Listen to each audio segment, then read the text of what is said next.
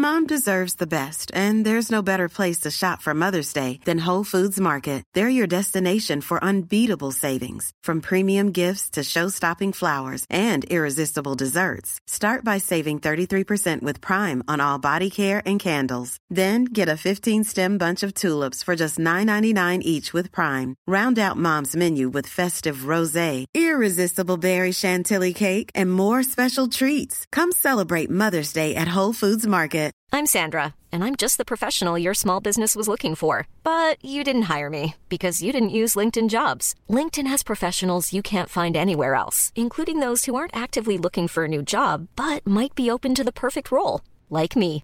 In a given month, over 70% of LinkedIn users don't visit other leading job sites. So if you're not looking on LinkedIn, you'll miss out on great candidates like Sandra. Start hiring professionals like a professional. Post your free job on linkedin.com/people slash people today.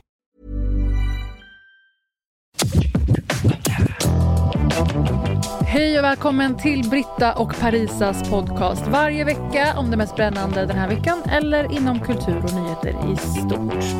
Och det är dags för avsnitt 120. Det blir ett speciellt avsnitt. Vi avhandlar såklart Oscarsgalan. Parisa är lite jetlaggad från det. Eh, vi kommer också helt plötsligt att uppleva en stor kulturhändelse skulle jag vilja säga, nästan live i podden. Och sen så blir det också lite viktigt prat om Woody Allen-dokumentären på HBO.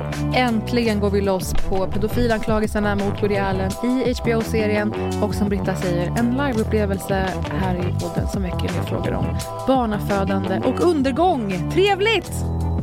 Välkomna!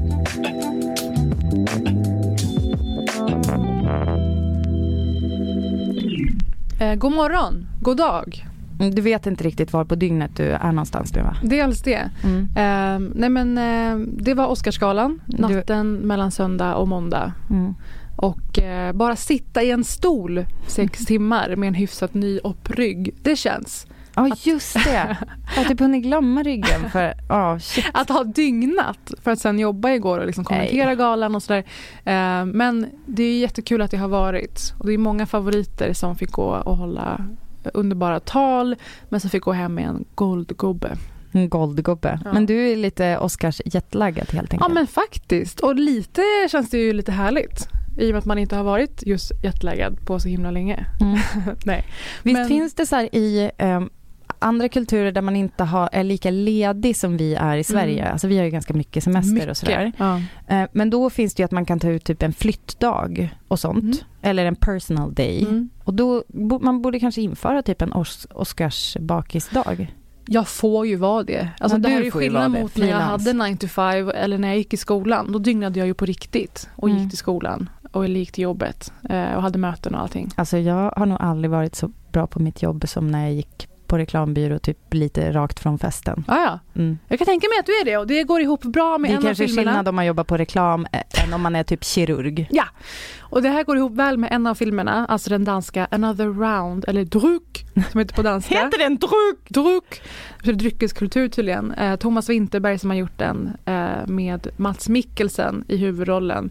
Och Mats Mikkelsen spelar ju en eh, gymnasielärare som har gått ner sig rejält, tappat livsgnistan, går runt och hasar i flanellskjorta. Eh, in kommer en pakt mellan de här fyra olika lärarna som är kompisar. De tror på att vi alla är födda med en halv promille för lite i blodet. Och det bör, då börjar de laborera med alkohol. Eh, det är ju inte en film som hade fått filmstöd i Sverige. Men garanterat i Danmark. Alltså och de det finns ju. inte någon danskare i det. Det finns ingen danskare och de vann ju International Feature. De gick om Ja. Sverige nu och har fyra vinster mot våra tre i den här kategorin. Så Det skärpning. sved till. Men i övrigt, om jag bara ska ge er en liten preview. För hela mankemanget finns ju på TV4 Play att se. Dels Mm. hela galan. Man kan ha på det när man ligger i badet. Ja men självklart. Man lagar mat. Fan vet jag vad Man får ni inte ha datorn för nära badet bara. Mm, bra. Eh, och det finns också eh, uppklippt de bästa olika ögonblicken, eh, kategorin ni är extra sugna på, ett tacktal ni är extra sugna på, röda mattan och sådär. Perfekt. Finns i färdiga klipp. Jätteskönt att det finns. Men i övrigt tänkte jag kanske nämna några. Eh, vi nämnde ju filmerna i stort förra veckan, gick igenom olika. The Father, Son of Metal, Promising Young Woman. Judas and the Black Messiah, det här låter som hittepåord för många av er. Men det här är några av dem som vann och jag är väldigt glad för det. Sen var det ju såklart mycket statements Ja, men kan vi dwella lite på det i alla fall, Mm. att du, det var ju sådana som du tog upp innan Mm. som favoriter som också vann. Alltså känner du Ja. dig generellt, jag har få- fått som känslan att du är ganska nöjd över årets gala? Jag är över vinsterna, Ja. inte galan. Nej, Och nej, nej, nej, nej. missnöjd. Eh, absolut, Mm. det är tydligt. Ja. Men eh, alltså själva, vi, liksom rätt låt vann ganska Ja. mycket här. Om man Ja. ser mig sitta i studion och liksom så jävla nöjd att jag Mm. har tagit den. För det, var, det är ju skrällar på det stora hela. Att sydkoreanska Ja Jung-Yoon eh, vinner mot otroligt kända amerikanska skådespelerskor i Best Supporting Actress. Mm. Går upp och håller det bästa tacktalet. Att Så jag förutsåg det, det är för att jag har sett Haggigt. filmen och jag har följt galasäsongen och diskussionerna. Haggigt och är ordet. Ja. Och det är ju Brad Pitt hon har fäst lite extra uppmärksamhet för. Men hon försvarar också att hon har varit ifrån sina barn så mycket. Our nominees for Best Supporting Actress all fell, also fell in love with movies at an early age. For Yeo Jung Yoon, it was through the work of actresses like Maggie Smith and directors Robert Altman and Mike Lee. Uh, I'd like to thank to my two boys uh, who made me go out and work. Uh, so, beloved son, All and Nur, it, this is the result because mommy worked so hard. Så det är lite statement, lite statement där. Men det jag tänkte på med statement, det var ju att eh, Trayvon Free, som vann en Oscar för kortfilmen Two Distant Strangers, han gick på röda mattan i en kostym där han hade i fodret eh, namnen, de allt för många namnen på svarta amerikaner som dött i polisers händer. Dött av poliser helt enkelt. Mm. Eh, Så det bara det var ett fint statement. Man tänkte, vad bra. Ändå många filmer på temat som jag har varit inne på. Black Panthers, Malcolm X och sådär. Och eh, sen vann han ju. Och hans tacktal börjar med det här faktumet. On average, the police in America every day kill three people, which amounts to about a thousand people a year. And those people happen to disproportionately be black people. And, you know, James Baldwin once said, the most despicable thing a person can be is indifferent to other people's pain. And so I just ask that you please not be indifferent Så jättestarkt och det hade känts ganska opassande om ingen hade tagit upp det här. Var inte likgiltiga inför Ja, vår smärta. Eh, förvånansvärd eh, humorbrist. Det var som ett enda långt möte. Mm. det är otroligt märkligt Vad sa du, ett enda långt möte? Ja. Alltså som ett långt Zoom-möte typ? Du, Zoom hade nästan varit bättre för då kan man ju zooma ut och göra någonting annat. Just det, lägga en Folk satt bakgrund. verkligen där och bara väntade. Eh, helt märkligt och bisarrt val just detta år. Men vad gäller Trayvon Free och Black Lives Matter, eh, George Floyd-rättegången har ju varit. Ni har hört våra avsnitt kring detta. Ehm, och eh, det här är en fråga som bara pågår och pågår. Ingenting är löst i och med att Derek Chauvin som alltså dödade George Floyd har blivit eh, dömd. Vi vet inte vad han får för straff ännu. Och kom ihåg också att det fortsätter ju att hända. Även fast han har blivit dömd så Mm. finns det också krafter som såklart inte tycker att det var rätt eller att det inte finns någon strukturell rasism eh, Ja. och att det kanske egentligen är rasism mot vita och Ja, så men- vidare. Som efter det här så har faktiskt en 20-åring afroamerikan, Dante Wright, blivit skjuten av polis vid ett trafikljus. Mm. Den polisen har sagt upp sig från sin tjänst, vilket många tycker är märkligt för hon borde ha fått sparken för att markera. Mm. Eh, och hon trodde att hon sköt honom med en taser, elpistol. Hur kan man förväxla det med en pistol? Vi som Mm. har hållit i vapen, vilket du, både du och jag har. Va? Nej. Eller jo. Har du Va? aldrig hållit i vapen? Jag bara, va, vänta nu, hur har du hört? Nej men det är jag... väl jag välkänd nej men alltså ja, men jättestressigt. Det är jättekonstigt. Alltså, eh, Tyngden. Alltså jo men och sen har du gjort din jävla utbildning och den, alltså Det är ju hela hennes jobb. Du måste ju veta vad du har dina jävla grejer. Det är Du hela så- hennes annars jobb. kanske du tar upp liksom din skriva p-botmaskin. Mm. Men det gör inte poliserna. Men- Enormt raseri och förtvivlan. Fruktansvärt. Läs på om Dante Wright och Makia Bryant senast. 16-årig flicka som sköts fyra gånger till döds av polis. Ja, supertragiskt och det var bra att det kom upp på galan. I övrigt såklart historisk vinst av en kvinnlig regissör. Så jävla tragiskt. Mm. Chloe Zhao vinner för Nomadland som blev både bästa film och att hon vann bästa regi. En kvinna med rötterna i Kina dessutom. Går in i det här 93-åriga äh, mansväldet och blir den andra kvinnan någonsin att vinna bästa regi. Så det finns en del att vara glad för och jag hoppas att folk blir peppade på att se filmerna. Nomadland finns ute.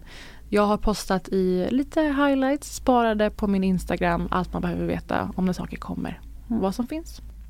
Kommer du gå på bio?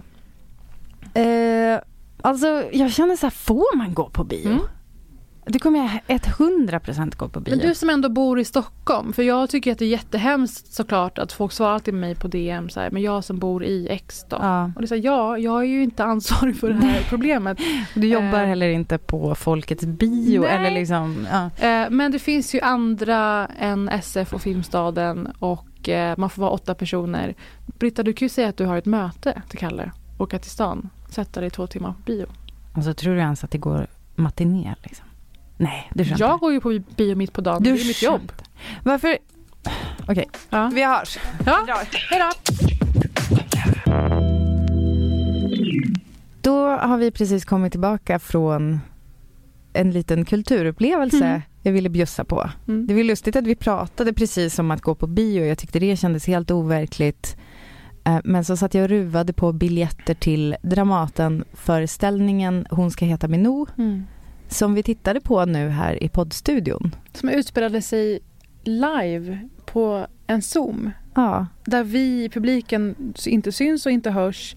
Men bara vetskapen om att det här också sker via två datorer, det som vi just var med om, är ju helt fantastiskt verkligen. Ja, om man skulle säga att du precis beskrev Oscarsgalan som ett lite misslyckat Zoom-möte. Ja. Vad skulle du, om du försöker ringa in det här? Nej men jag är helt chockad chockad för det är som att vi har sett så många försök till innovation inom kultur senaste året i och med corona. Och det här känns inte som en nödlösning på grund av corona. Det här hade jag velat se vilket år som helst. Men det här var extra bra. Ja, men det var på grund av hur det var. Ja. Verkligen. Och eh, superangeläget och en enda oavbruten scen och de lyckas hålla närvaron och kontakten mm. genom hela. Det var alltså Pjäsen heter Hon ska heta Minou. Mm. Eh, Ada Berger är regissör som också regisserade Liv Strömquist tänker på dig. Mm. Och Sanna Sundqvist spelar en av rollerna. Marie Götesdotter den andra. Ett samarbete mellan Dramaten och Malmö stadsteater. Och eh, det är ju då eh, ett möte mellan Sanna Sundqvist och Marie Götesdotter i, ja, det är som att vi får tjuvlyssna på deras Zoom-möte. De mm. bara råkar kopplas ihop. Mm.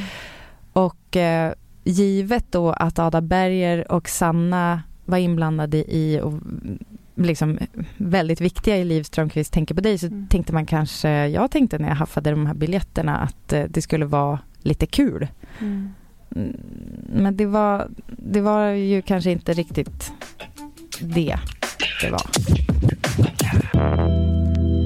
Vanna är höggravid. Hos henne är det år 2021 och hon sitter vaken alldeles för länge och letar barnvagnar på nätet. Plötsligt öppnas ett fönster med en videochatt. Där sitter det en annan kvinna i ungefär samma ålder. Har det blivit något fel? Både kvinnan och rummet där hon sitter känns märkligt bekanta. Så man får ju gåshud bara av den här texten. Mm.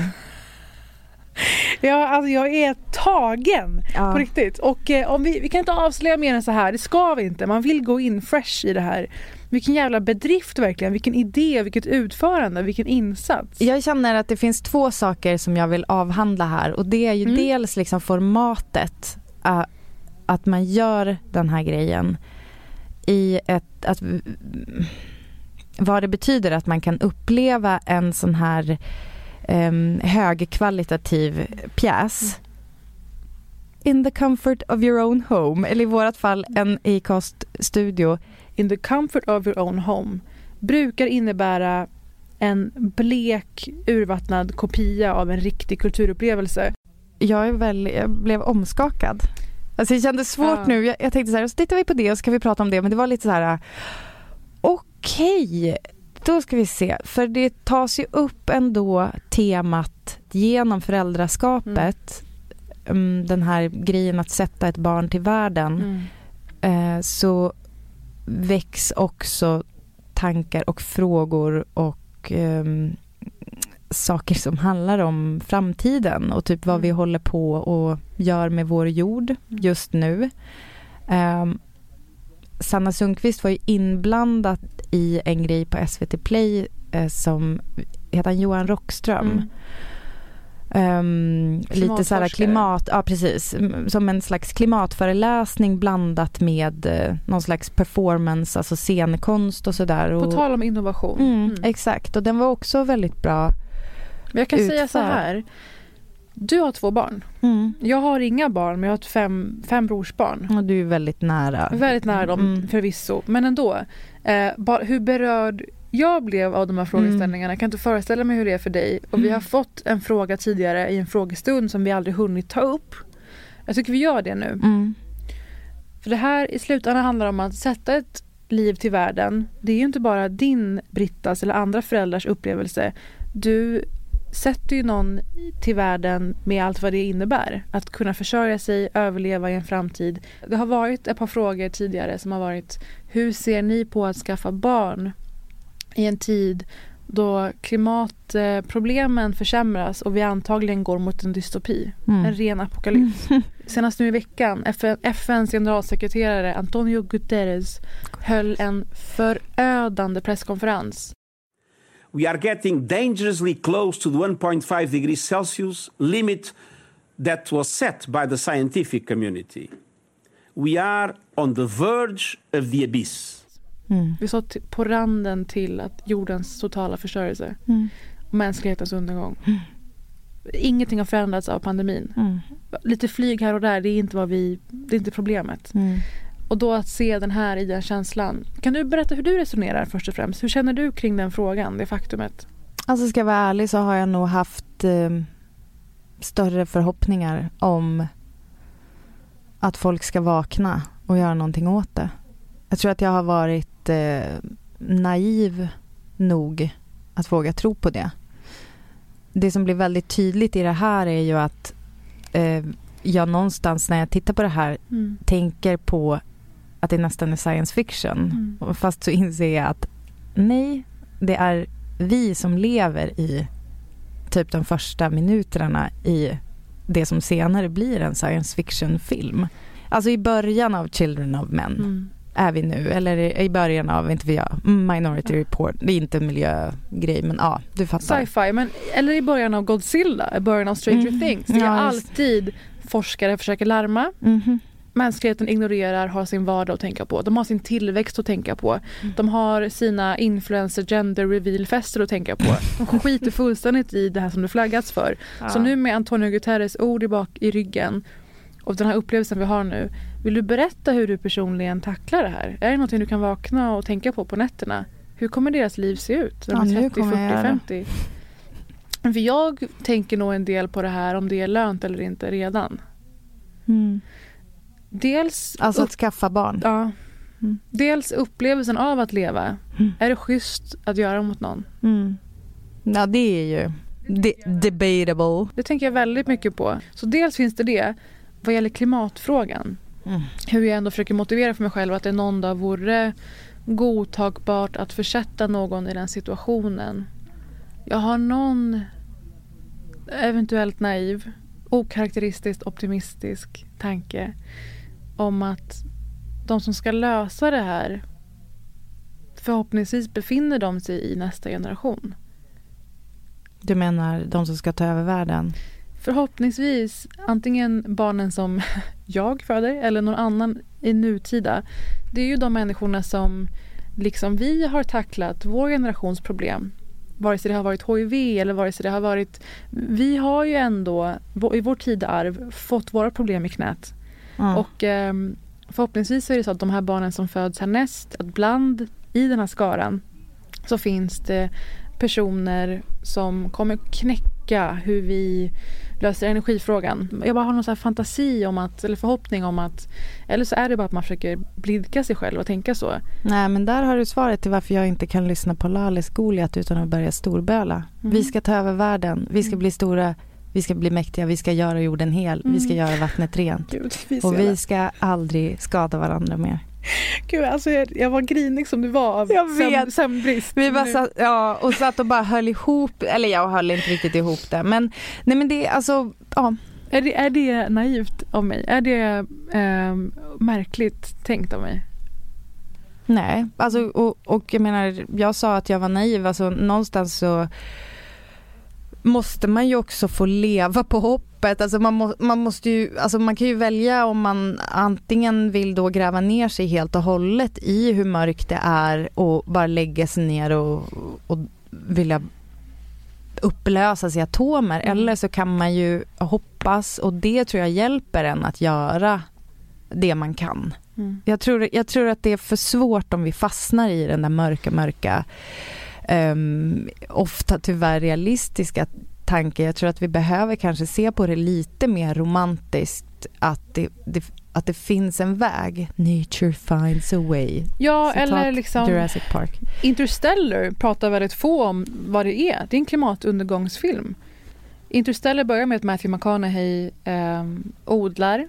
Han har en väldigt kass solbränna för att markera att han ska vara en odlande människa. Mm.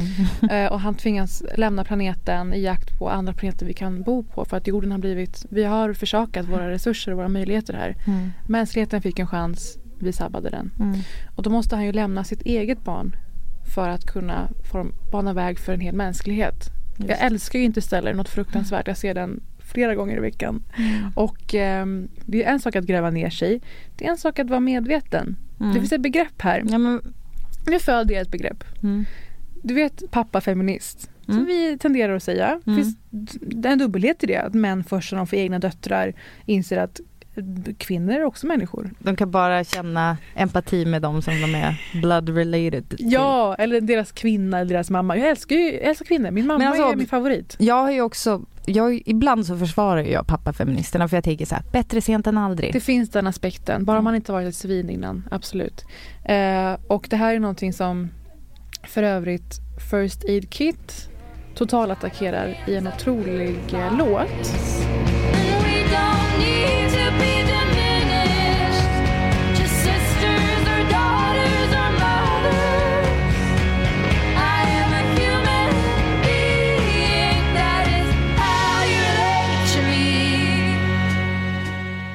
Alltså låten You are the problem.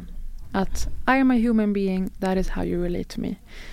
Apropå pappafeminist så vill jag i det här sammanhanget föräldraskap, framtiden, undergången. Mm, Eh, vi behöver ju något ord för föräldramiljöaktivist av något slag. verkligen. Att det är först när vi tänker på våra nära och kära som än, ännu är, men som Dante som är två år eller mina brorsbarn som är 12 och 9. Eh, hur kommer deras liv se ut? Mm. Det vi tar för givet nu som de kommer skratta åt eller skratta åt som de kommer förarga sig åt. Kommer vi vara osams över det i framtiden? Förmodligen. Vi sabbade för dem. Förlåt. Men visst ska man köpa biljetter och se det här Man på måste köpa biljetter. De tar ju tyvärr slut direkt. Det här var verkligen huggsexa. Jag fick, eh, jag fick ett tips. Mm. Jag känner ju Sanna lite. Mm. In på Dramaten och följ Sanna Sundqvist. Ja. Så får ni veta där. Ja. Ja. Och så vill jag också säga det här, ni får jättegärna höra av er med hur ni ser på den här frågan. Skaffa barn i en eh, undergångstid helt enkelt. För det är många som har ställt den till oss under frågestunderna. Jag gissar att ni har era egna funderingar men kanske också faktiska resonemang. Jag vill veta. Verkligen. Ja, jättegärna.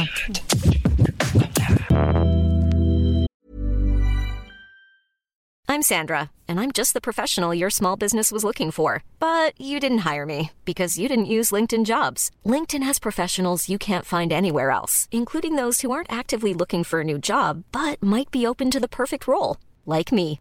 In a given month, over 70% of LinkedIn users don't visit other leading job sites. So if you're not looking on LinkedIn, you'll miss out on great candidates like Sandra. Start hiring professionals like a professional. Post your free job on linkedin.com/people today. Since 2013, Bombas has donated over 100 million socks, underwear, and t-shirts to those facing homelessness. If we counted those on air, this ad would last over 1,157 days. But if we counted the time it takes to make a donation possible, it would take just a few clicks. Because every time you make a purchase, Bombas donates an item to someone who needs it.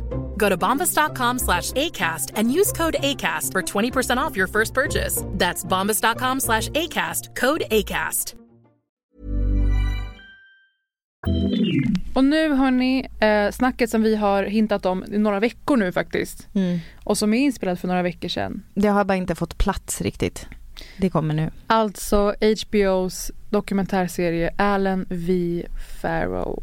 Och jag och Britta diskuterar anklagelserna mot Woody Allen som vi får veta som fördjupas i dokumentärserien. I vårt moderna tidevarv så kan man se på det med lite andra ögon. Det går inte lika lätt att begrava nyheter som det gjorde på 90-talet.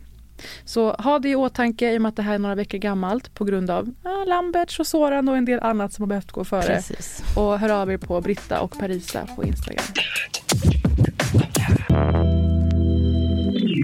Eh, Britta, vad är ditt första minne i livet?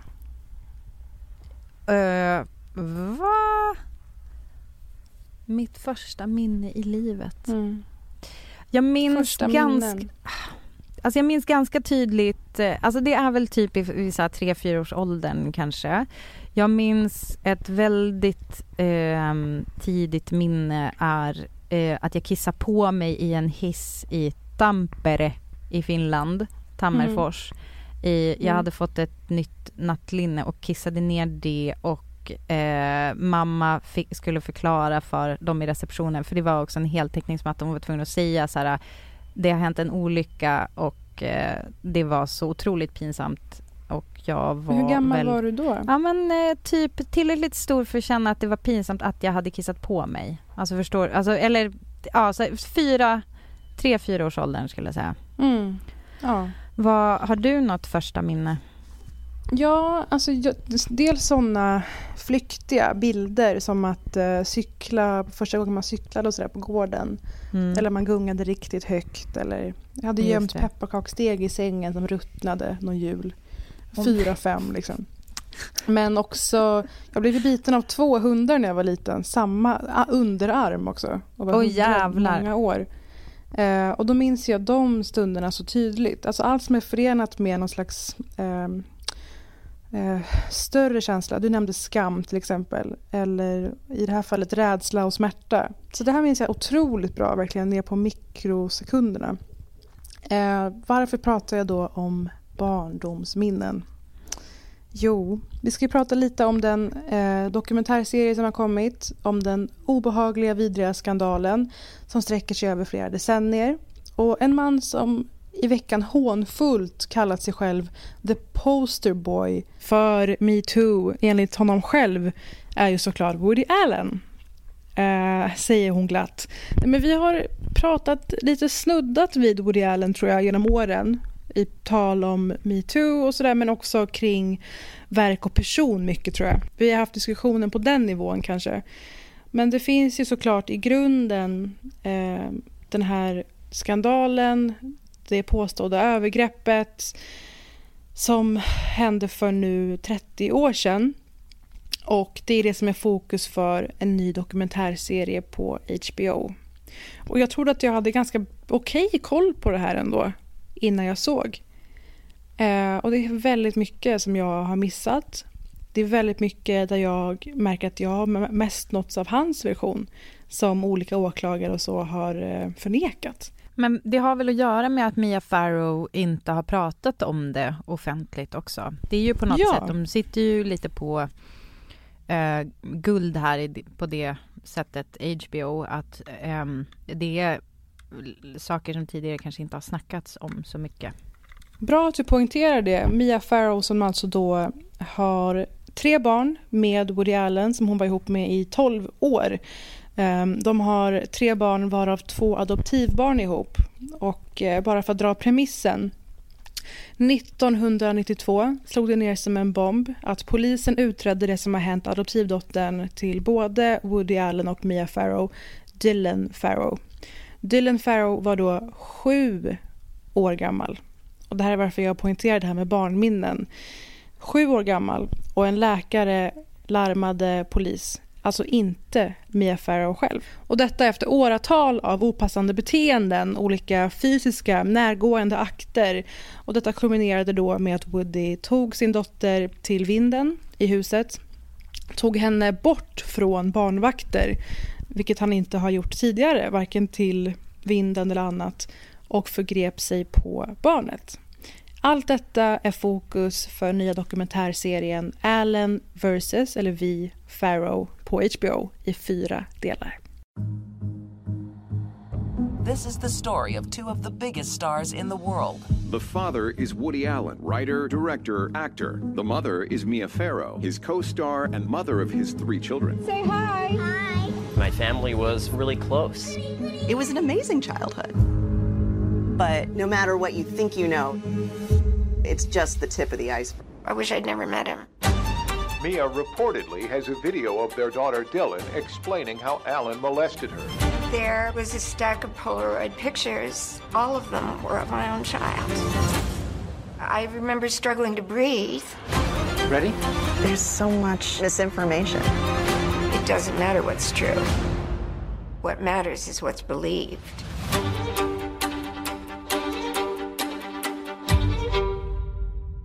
Men vad tycker du först och främst om eh, greppet eller hur den är uppbyggd och hur den känns och sådär? Ja, men, alltså, jag kan nog stämma in i att det är ju, alltså kritikerna har ju kanske eh,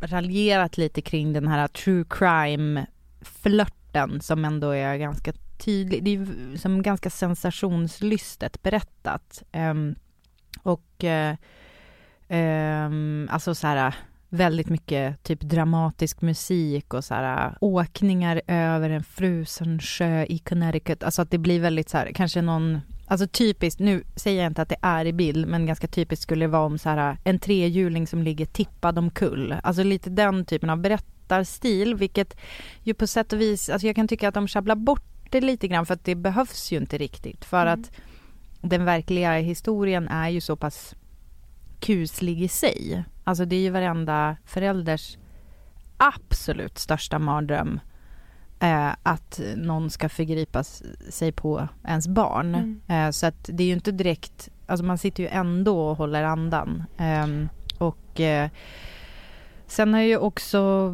tagit del av att eh, ja, men det, det, att den är liksom typ ensidigt berättad för att Woody Allen inte eh, är med och och eh, inte heller någon från hans läger. Men det här tas upp, det är bra att du säger det, det här tas upp i dokumentären och jag såg den med de här glasögonen du benämner. Hur går berättandet till dels? Eh, ja. Vilka säger saker? Och det är betydligt bredare och djupare än så när serien fortsätter. Varför jag tror att man så noga bygger upp en mer sympatisk approach till Dylan Farrow är ju för att hon eh, ska man säga så här, hur proportionerna har sett ut vad gäller makt och inflytande och rätt till berättande plattformar så har ju tveklöst då den legendariska filmregissören Woody Allen haft otroliga fördelar där. Så jag tror att man gör det här som du säger är överdrivet och så för att man just liksom vill väga upp att så mycket redan ligger på hans bord. Eh, och ju mer man ser och ju mer man får höra från Eh, lärare, psykologer, åklagare, domare som var involverade mm. i både rätt... För det var ju två tvister egentligen. Det var en om eh, vårdnad. Det var den första. Den handlade inte om det här med övergreppet. Det var bara en underfråga i vårdnadstvisten. Mm. Och sen blev det en fråga, ska vi ta alltså det här vårdnaden med... om Dylan? Om de här tre Eller? barnen, gemensamma barnen. Ah, okay. Och sen mm. blev frågan, ska vi ta Dylans case vidare? För åklagaren bedömde att det finns probable cause, som det heter, även efter vårdnadstvisten. För han förlorade vårdnadstvisten för att domaren ansåg att han var grovt opassande som förälder. Att han hade, oavsett det här som hänt på vinden den här dagen, så har han gjort saker som att ligga med huvudet i eh, dotterns skrev när barnvakter har kommit in flertal gånger. Han har tagit på henne på opassande sätt inför folk mellan hennes skinkor och liknande. Alltså inför flera samlingar av människor som alla säger entydiga saker. Det fick åklagaren att vilja väcka ett åtal. Men i samråd då med socialen, Mia och många andra och hur Dylan mådde efter allt det här så kom de fram till att de ska vänta med det, citat. Vilket är märkligt kan man Mm. tycka, men det är avsnitt tre. Så allt det här är jättebra att du säger. Jag vill bara vara tydlig med att jag menar ju inte att det på något sätt är liksom en dålig dokumentär av den anledningen utan det är lite, alltså det jag upplever är bara Mm. lite så amerikanifierat. Eh, sen så tycker jag att liksom exakt allt det du säger, alltså alla vittnesmål och sånt där är ju, jag tycker liksom att de har ett tillräckligt, till- tillräckligt starkt case i sig.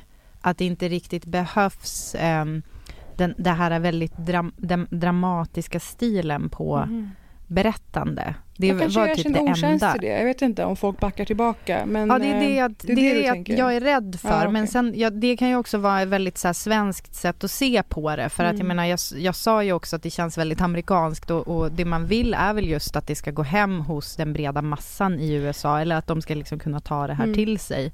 Eh, Så att absolut att det, det, det har väl sin poäng. Men jag tror att vi som, alltså med våra, vårat filter här kan det ju kanske vara som att det känns nästan lite så här för liksom ehm, Ja, men Ja, att men det blir som nästan lite Ja. overklig känsla på det. Eh, vilket, vilket jag tycker är synd. Men eh, alltså den, den är ju... Den fördjupas ju Ehm, som sagt. Men den här ja. dokumentärserien har skapat en enorm debatt i USA. För liksom jag hajade till så har många undgått detta, eller mycket av det här har undgått det publika. Och då är det tydligt hur medieeran då, 90-talet, tillät, möjliggjorde att detaljer kunde begravas, att narrativ kunde skiftas med kontakter i medievärlden, hårdföra publicister, stora budgetar och så vidare. Och nu i vår digitala era så finns inte samma, eh, eller det finns en annan öppenhet kring att få vidare sånt här och eh, lyfta upp sånt här till ytan igen. Det är en god tid kan man säga för det.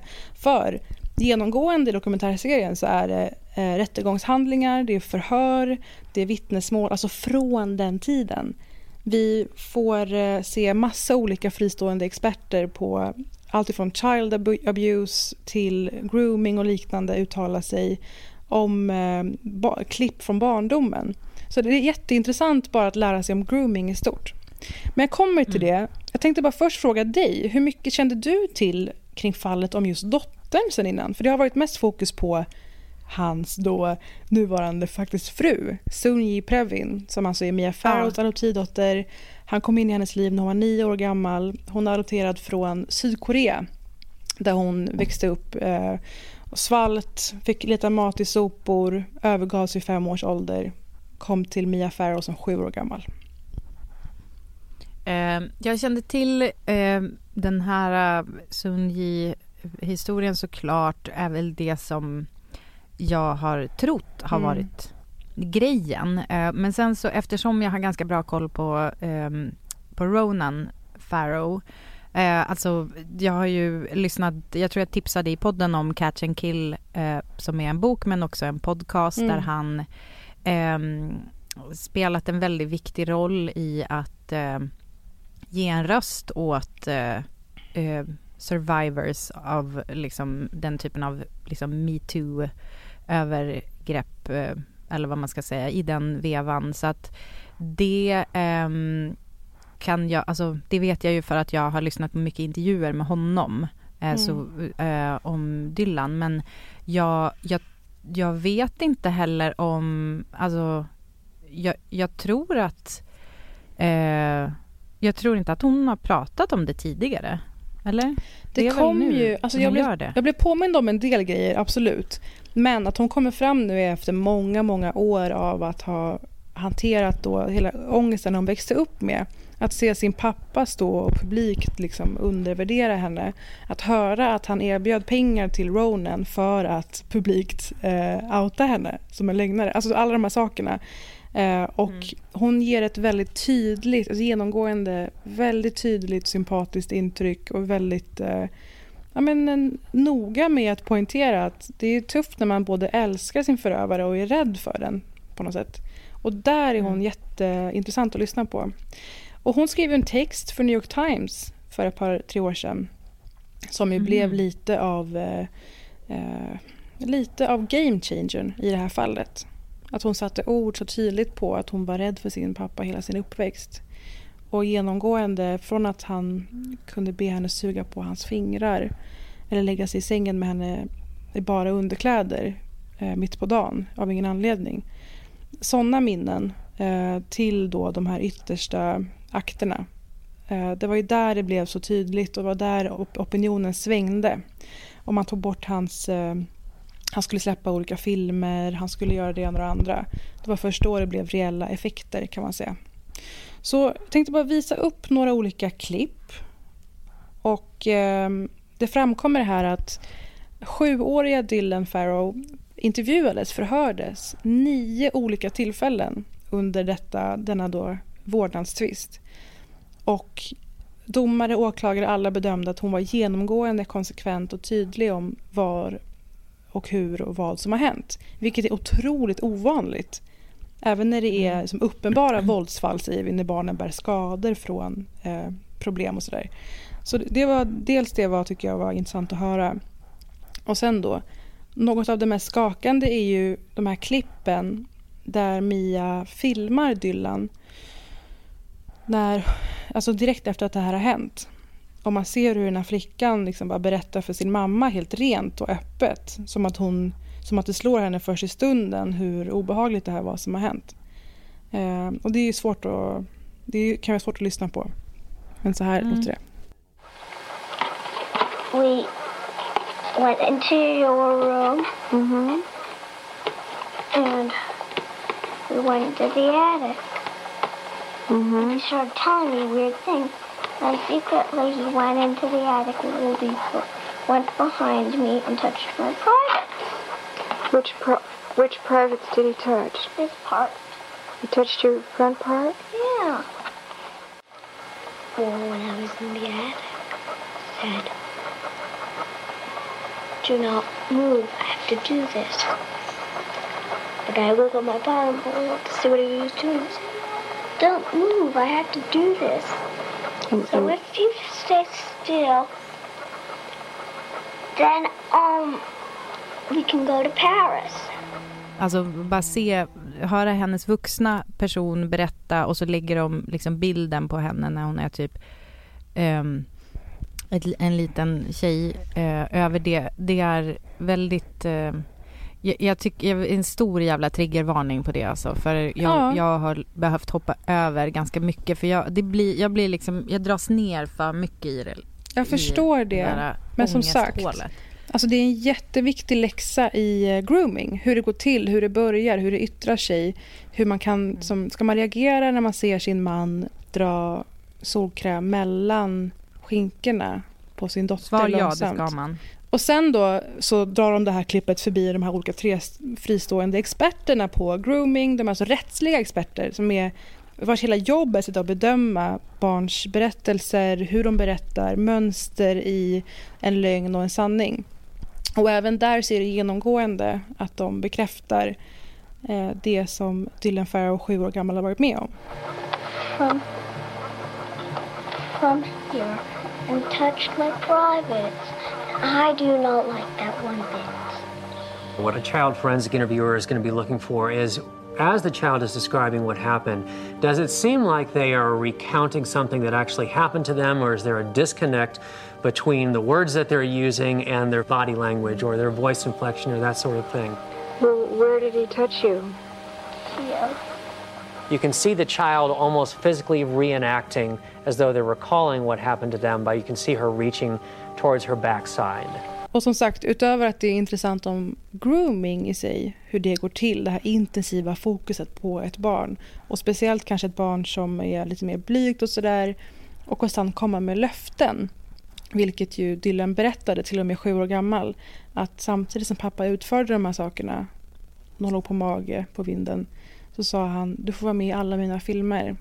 Du, bara du och jag ska åka till Paris om du ligger stilla nu. Dylan sätter fingret så bra på hur mycket mer smärtsamt abuse är när det är någon du älskar och hur det sätter sig på något sätt i livet. Mm. This kind of abuse warps something inside of you. Because it doesn't happen by a stranger that snatches you off the street and throws you in a van. It happens by someone you love and someone you trust. Someone who buckles your seatbelt, takes your hand when you walk down the street, reads you bedtime stories. En sak som också ehm, jag tror är en stor del av grooming, även om det inte kanske highlightas så hårt här, men just det där med att få så löften om, alltså till exempel någonting som man väldigt gärna vill ha. Eh, och eh, i, alltså för det är ju en sak som min favorit Dax Shepard berättar om att han blev ju eh,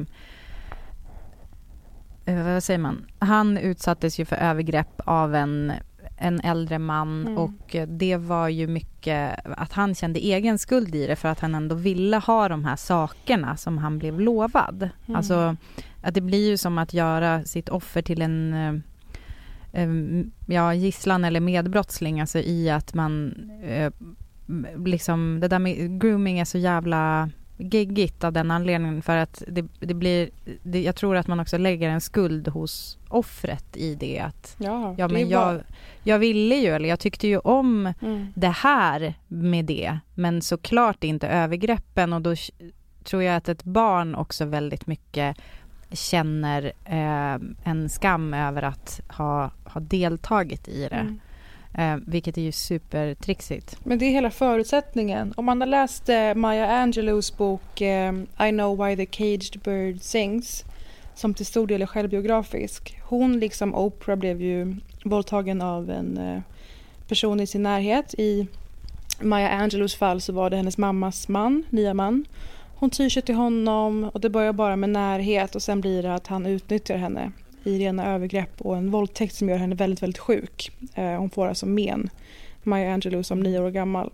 Och där så tydligt visar hur hon känner stor skam först för att hon på något sätt har bjudit in till det här eller att hon kanske var den som lurade mannen till det här. Var det jag som fick honom att göra så här? Han måste må jättedåligt över det. Alltså nio år gammal. Till att hon mår dåligt över såklart alla konsekvenser av detta när det väl uppdagas. Att hon tar på sig även det. Och jag har ju sagt i den här podden förut att jag förstod i vuxen ålder att jag som 12-åring blev utsatt för det som jag nu inser är övergrepp. Och då var det ju från en idrottstränare, en, en viss sport jag utövade. Och då var det just mycket löften, utlovades olika saker. Eh, att jag skulle få avancera till det ena och det andra om jag bara var duktig och eh, om jag var lydig. Och det yttrade sig ofta i liksom, sessioner på hans kontor efter olika träningar där han skulle så kallat massera mig. Eh, jag orkar inte dra igång hela skiten igen för att det, var, det låg top of mind när jag kollade på hela den här dokumentärserien på fyra avsnitt. Hur vuxna människor utnyttjar barns, eh, alltså barns stora förtroende. Och Ja, man utnyttjar att barn liksom vill visa sig duktiga och eh, vill lyssna på auktoriteter i deras liv. Liksom.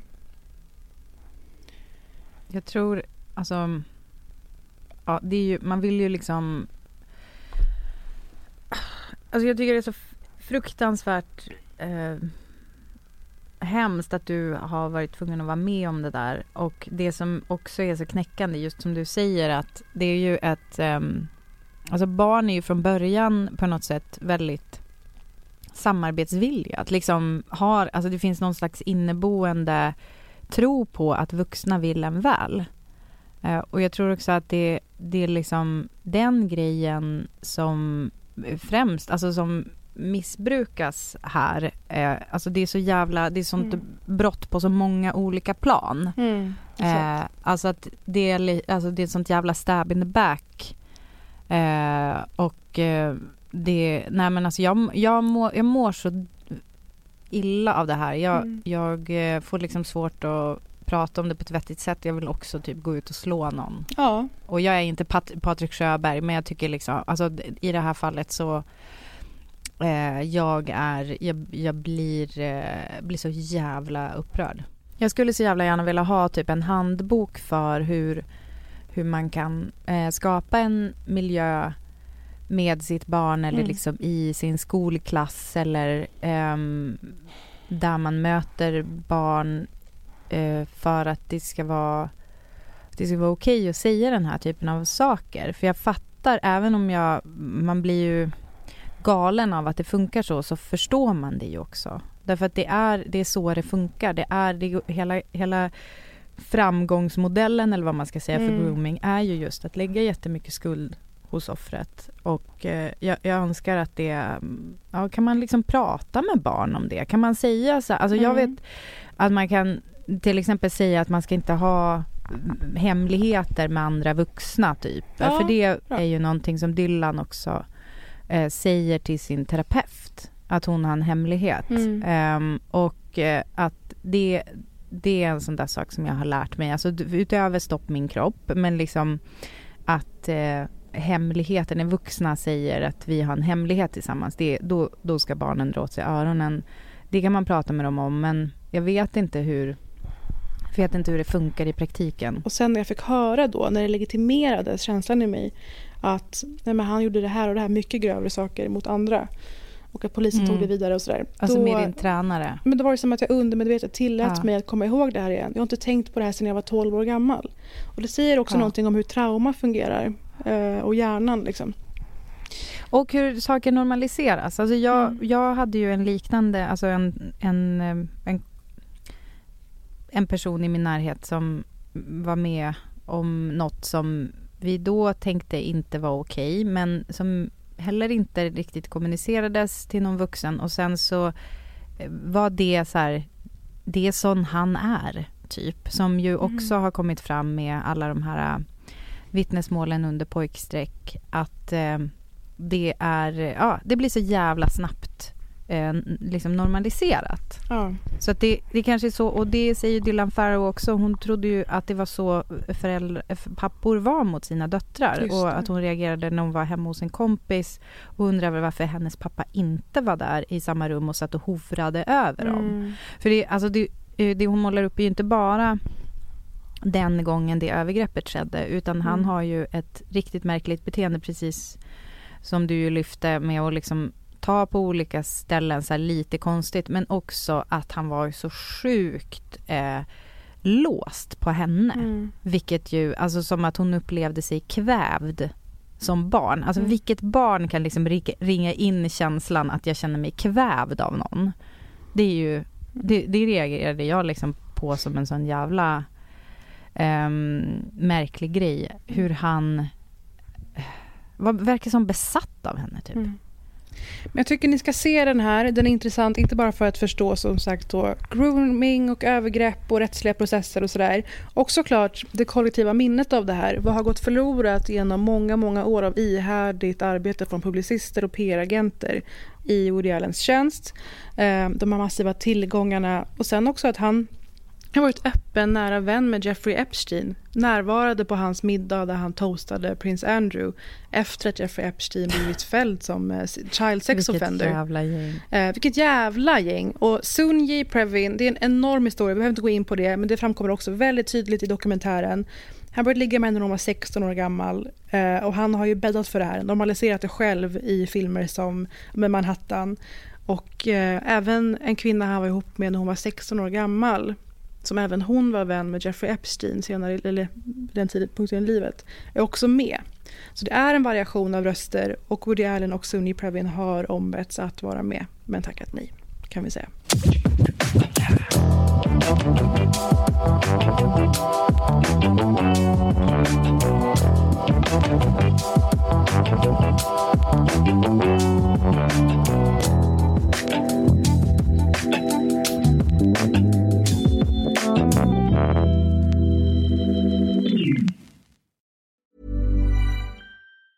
Mom deserves the best, and there's no better place to shop for Mother's Day than Whole Foods Market. They're your destination for unbeatable savings, from premium gifts to show-stopping flowers and irresistible desserts. Start by saving 33% with Prime on all body care and candles. Then get a 15-stem bunch of tulips for just $9.99 each with Prime. Round out Mom's menu with festive rosé, irresistible berry chantilly cake, and more special treats. Come celebrate Mother's Day at Whole Foods Market. Even when we're on a budget, we still deserve nice things.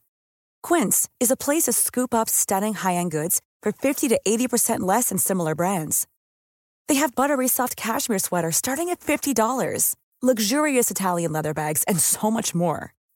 Plus, Quince only works with factories that use safe, ethical, and responsible manufacturing. Get the high-end goods you'll love without the high price tag with Quince. Go to quince.com/style for free shipping and 365-day returns.